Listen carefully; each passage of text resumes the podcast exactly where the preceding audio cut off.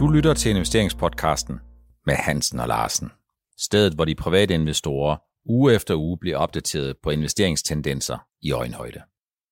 Velkommen til investeringspodcasten med Hansen og Larsen. Vi er nået til afsnit 115, og jeg siger det med det samme, Helge, da vi kommer hen her. Du får næsten sved på panden over alle de ting, vi skal igennem i dag.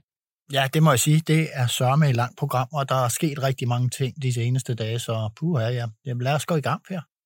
Hvis du, øh, hvis, du, hvis du skulle gå på jagt, Helge, og du så langt ude i horisonten så sådan lidt en brun skikkelse, som var meget stor, øh, vil du så blive nervøs? Ja, du tænker på en stor bjørn, der kommer? Ja.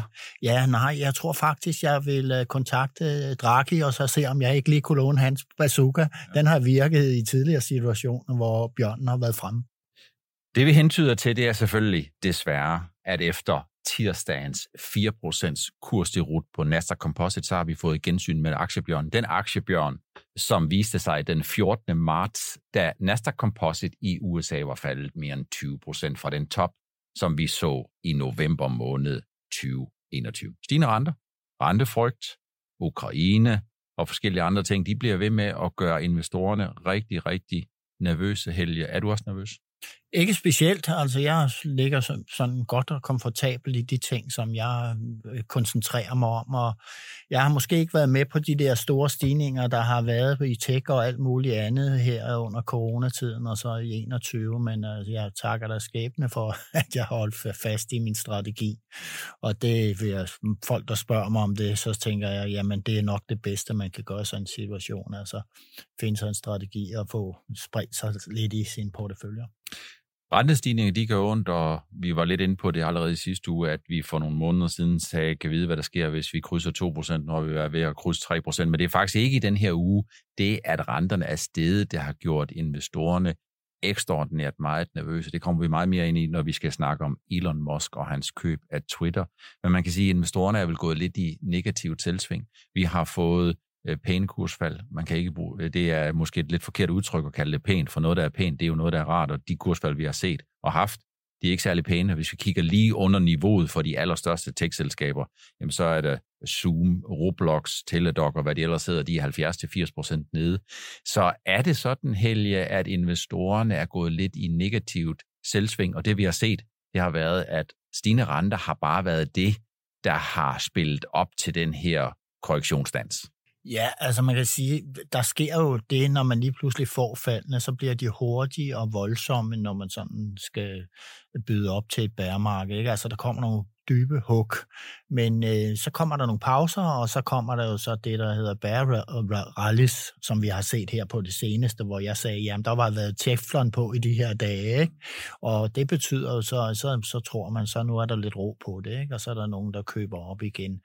Men øh, jeg tror, at vi skal nok finde en bund i alt det her, men øh, spørgsmålet om den er kommet nu, det ved jeg ikke. Hvad, har du en mening om det, Per?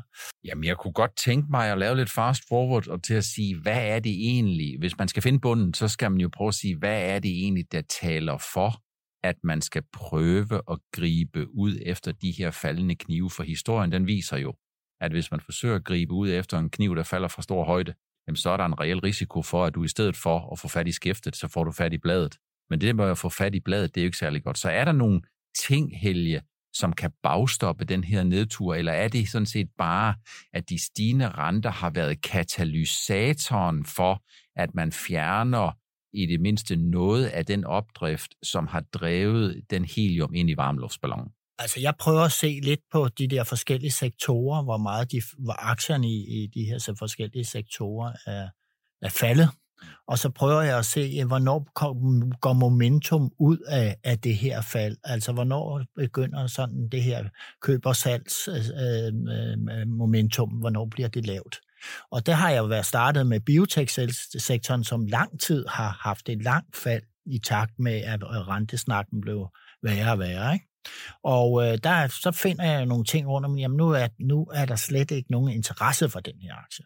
Og det er der, hvor jeg kan sige, så kan du godt være interessant at købe en lille smule i den her. Og det samme brygger jeg rundt i de forskellige sektorer nu.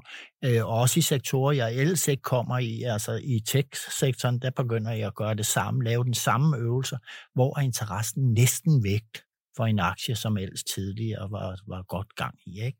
Og se, kan jeg finde noget der? Og der har jeg jo så kigget på Netflix øh, og vurderet, at jeg vil vente med at, at kø, eventuelt gå ind i den. Vi har jo været inde på Netflix, øh, da Netflix kom med deres lidt skuffende regnskab, kan man godt sige. Jeg tror jo, at konklusionen på det, vi havde i sidste uge, det var streamingtjenester. Det er den Roomy, som er flyttet ind. Og hvis du sidder og venter på, at streamingtjenesterne bliver billigere, øh, så tror jeg, at det svarer til at vente på Godot. Og når jeg siger det, så er det jo fordi, så vidt jeg har set, så er rettighederne til Premier League, Champions League, eller de nye film, eller nogle nye serier, som folk de gerne vil se, der er prisen ikke på vej ned. Og hvis ikke prisen er på vej ned på rettighederne, hvis prisen ikke er på vej ned på indhold, så kan du godt få en lavere udgift ved at vælge en anden streamingtjeneste til. Du kan få en lavere udgift, hvis det er sådan, du vil se nogle reklamer. Men hvis du bliver ved med at se det, i morgen, som du så i forgårs, så skal du da ikke sætte næsten op efter lavere priser, skal du det? Jeg, jeg, jeg tænker på streaming, streamingtjenester generelt. Nej, jeg tror faktisk, at altså, man kan sige, at der, der vil ske en udskilning i det her, hvor man har, man har faktisk nogle segmenter, hvor man siger, jamen vi satser på de, de typer øh, krimi og serier og film og sådan nogle ting. Ikke? Vi ser typisk, der er nogen, der er rigtig gode på serier, af de her streamingtjenester, og så er de meget dårlige på film, det er i hvert fald min indtryk af for eksempel HBO. Øh, og så ser man Walt Disney, som er et, et segment for sig selv. Øh, og så har man Netflix, som satte sig meget på, på, på forskellige regioner i verden. Altså jeg må sige, jeg blev forelsket i polske krimier, fordi altså, jeg er Netflix.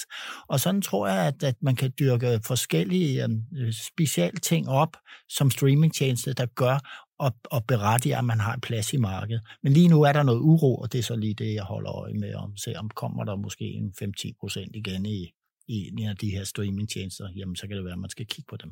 Man kan i hvert fald sige, at det her aktiemarked, det er sådan ligesom en lidt for spændende krimi. Det ser ud som om, man ved faktisk ikke rigtig, hvad, hvor, hvor det kan slutte hen, men indtil videre, så er der masser af uro, både på skærmen og i maven. Vi har ikke regnet, plot, vi har ikke regnet plottet ud endnu.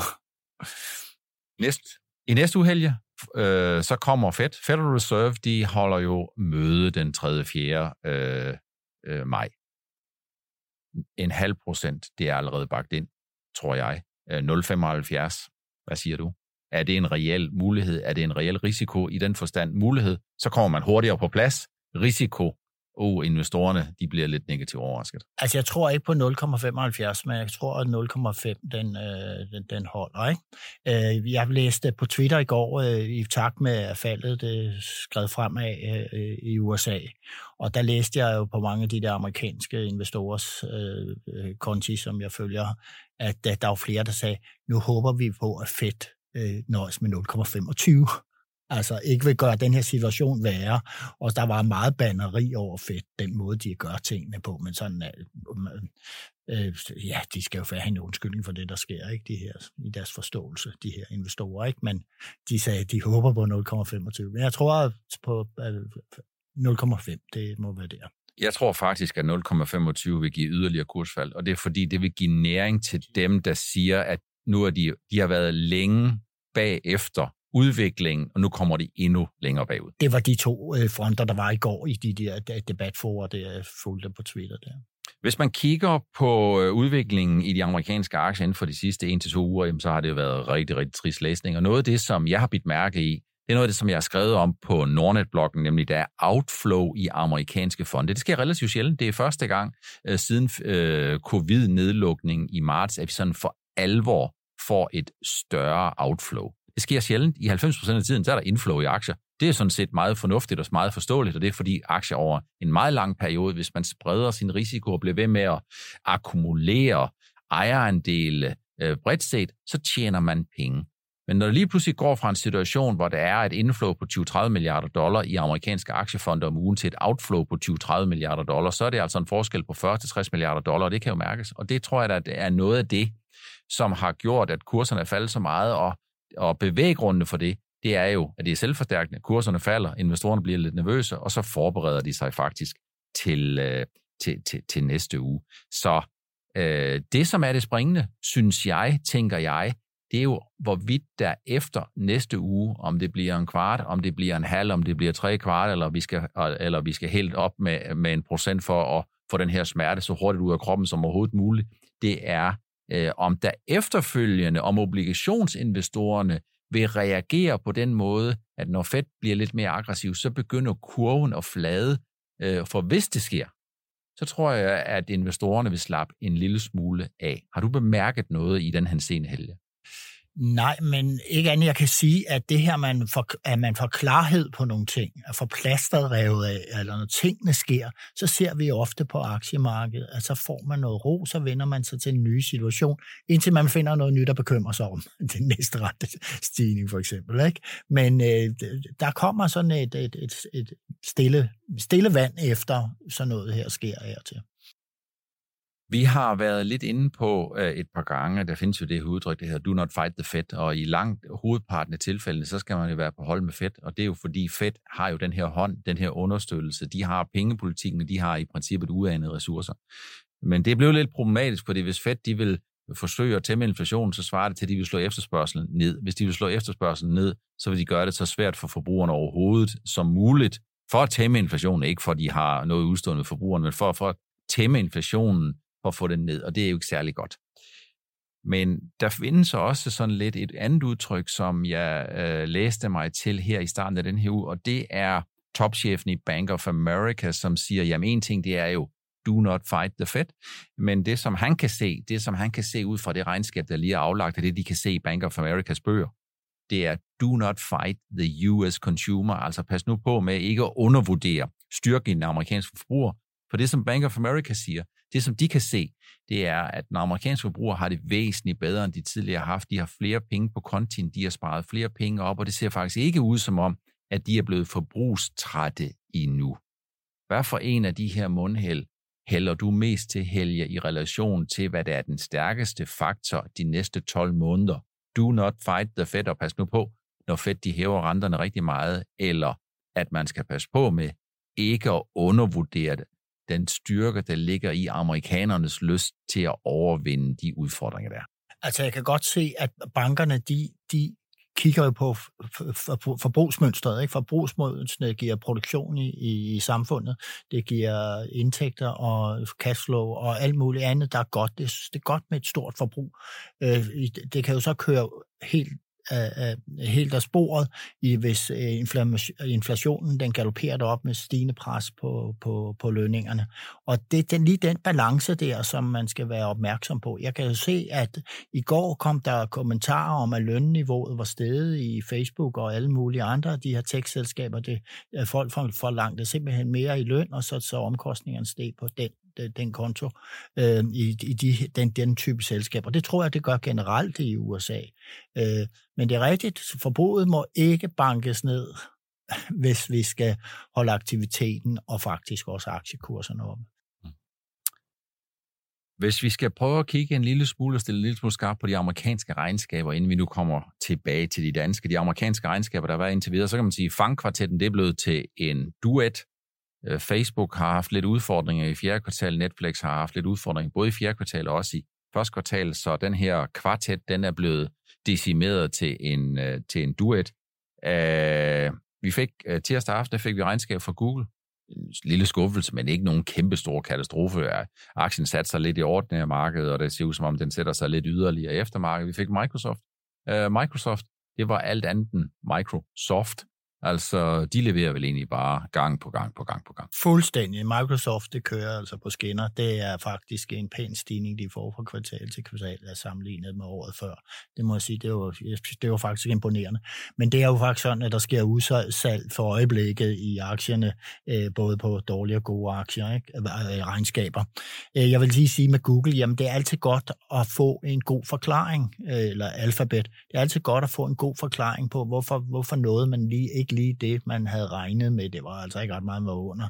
Men det gjorde man på grund af, at YouTube var kommet i klemme i forbindelse med Apple. De laver begrænsninger for delingen af øh, YouTube øh, videoer eller materiale fra YouTube, og dermed får man mindre annonceindtægter på, på YouTube. Og det er sådan, som investor, så vil jeg, så accepterer jeg så en forklaring, fordi det er jo noget, man kan se, det sker, og man var for, faktisk lidt forberedt for det allerede for nogle måneder siden. Hvis man kigger på markedsreaktionen, Helge, så fortæller den vel egentlig sit eget tydelige sprog. Hvis vi kigger for 12 måneder siden, øh, markedet var på vej op, investorerne var optimistiske, rentestigninger, ja, det skal nok gå, og den amerikanske centralbank, de gjorde ikke noget særligt, fordi de tænkte, det skal nok gå det hele. Øh, nu stemningen, den er, den er vendt, og det vil sige, at når vi kommer til en situation, hvor selskaberne, de leverer som forventet og en lille smule mere, så kan aktiekursen faktisk godt falde.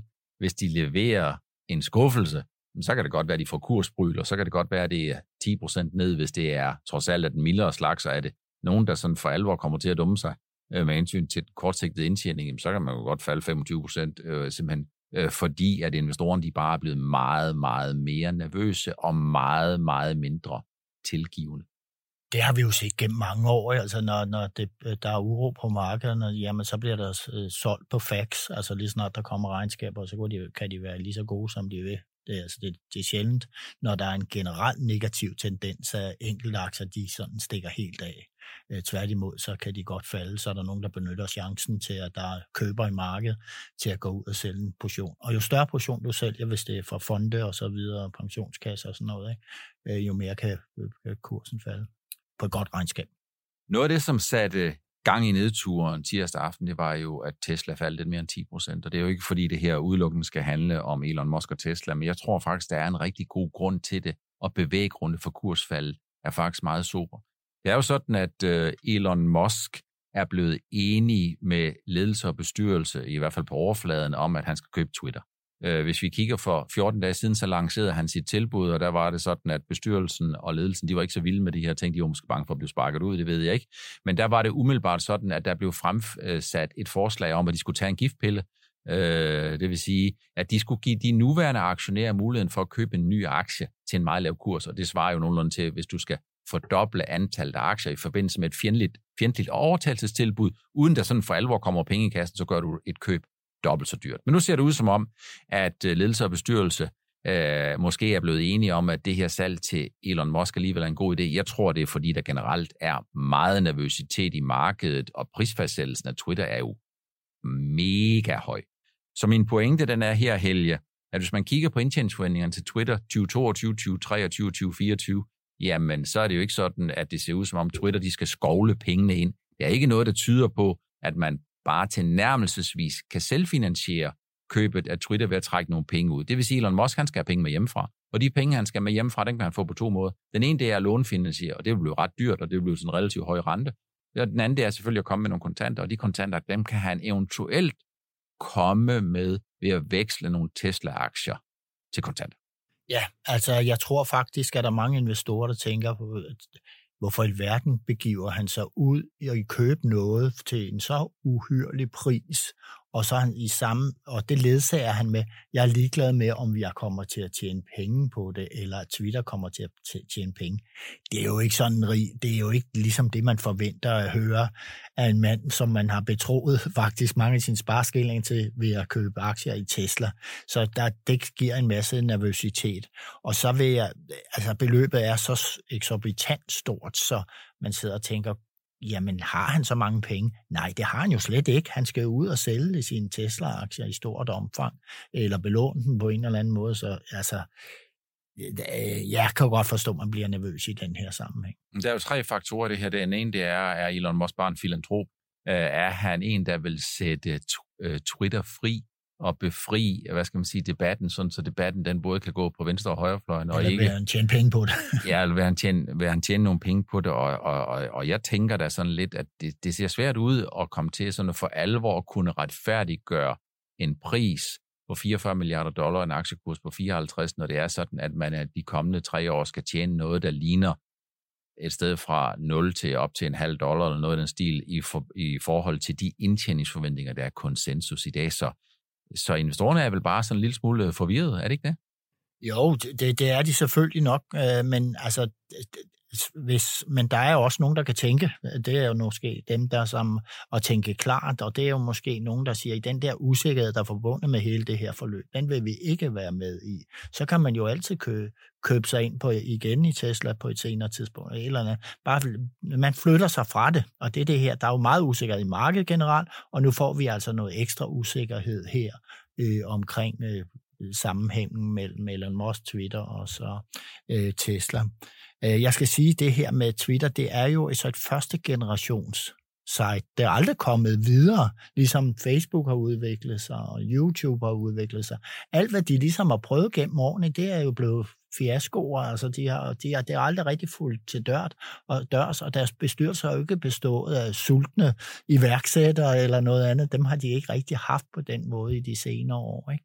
Så øhm, ja, det, det er en stor udfordring, og det vil kræve mange penge at få løftet, når det, det er sejt op, så det bliver rigtig profitabelt. Man kan sige, uanset hvordan venner drejer det, så Elon Musk han er jo lidt en speciel størrelse. Jeg synes jo, øh, der, er meget, der er meget fokus på prisfastsættelse, men der burde også være meget fokus på det, han egentlig har skabt. Og jeg tænker, i forhold til øh, forsyningsproblemer de sidste par år, i forhold til chipmangler, i forhold til høje transportomkostninger og 47 andre ting, så Elon Musk, han er jo fuldstændig vanvittig i den måde, han gør tingene på. Han får altså tingene gjort. Så spørgsmålet det er, om han ikke også får det her til at virke. Det bliver under alle omstændigheder spændende at følge, og, og, og følge med i. De danske regnskaber, Helge, vi er ikke sådan for alvor kommet, øh, øh, hvad skal man sige, øh, igennem den danske regnskab, Den er faktisk først ved at starte, men der er allerede noget, som har givet betydelig genlyd. Øh, tirsdag, der fik vi en opjustering fra AP Møller Mærsk. Det er jo sådan et relativt stort selskab, og når de kommer ud og ændrer deres forventninger, så øh, kan det godt være sådan øh, i opadgående retning eller nedadgående retning. Den her gang, der var det en 5-6-7 milliarder dollar, som de opjusterer med. Øh, og aktien stiger en 3-4 procent. Det er jo måske lidt mindre, end man kunne forestille sig, eller hvad? Øh, jeg, jeg vil sige, at de, de kommer jo med meddelelsen i et marked, der ikke ser særlig spændende ud. Den ene ting. Øh, og, og øh, et eller andet sted, jeg havde jo ventet, der kom en opjustering på det her regnskab, fordi man meldte ud øh, for efter øh, Q4, øh, så meldte man jo i, i sidste år, så melder man jo ud, at om forventningerne til det, at det, de ville være gode, og kunne blive endnu bedre i det første kvartal her. Ikke? Så jeg tror, både jeg og alle mulige andre, der er investorer i, i Mærsk, de har forventet en opjustering, men det var ret stor. Øh, og så vil jeg sige, at de venter så en normalisering i, i efteråret, øh, hvad det så indbetyder, øh, fordi der er jo ikke givet nogen indikationer om, hvad er en normalisering på markedet. Er det ned til det, som før covid-retter, er det retten for den gang, eller er det sådan bare et, et, et gennemsnitsskøn. Ikke?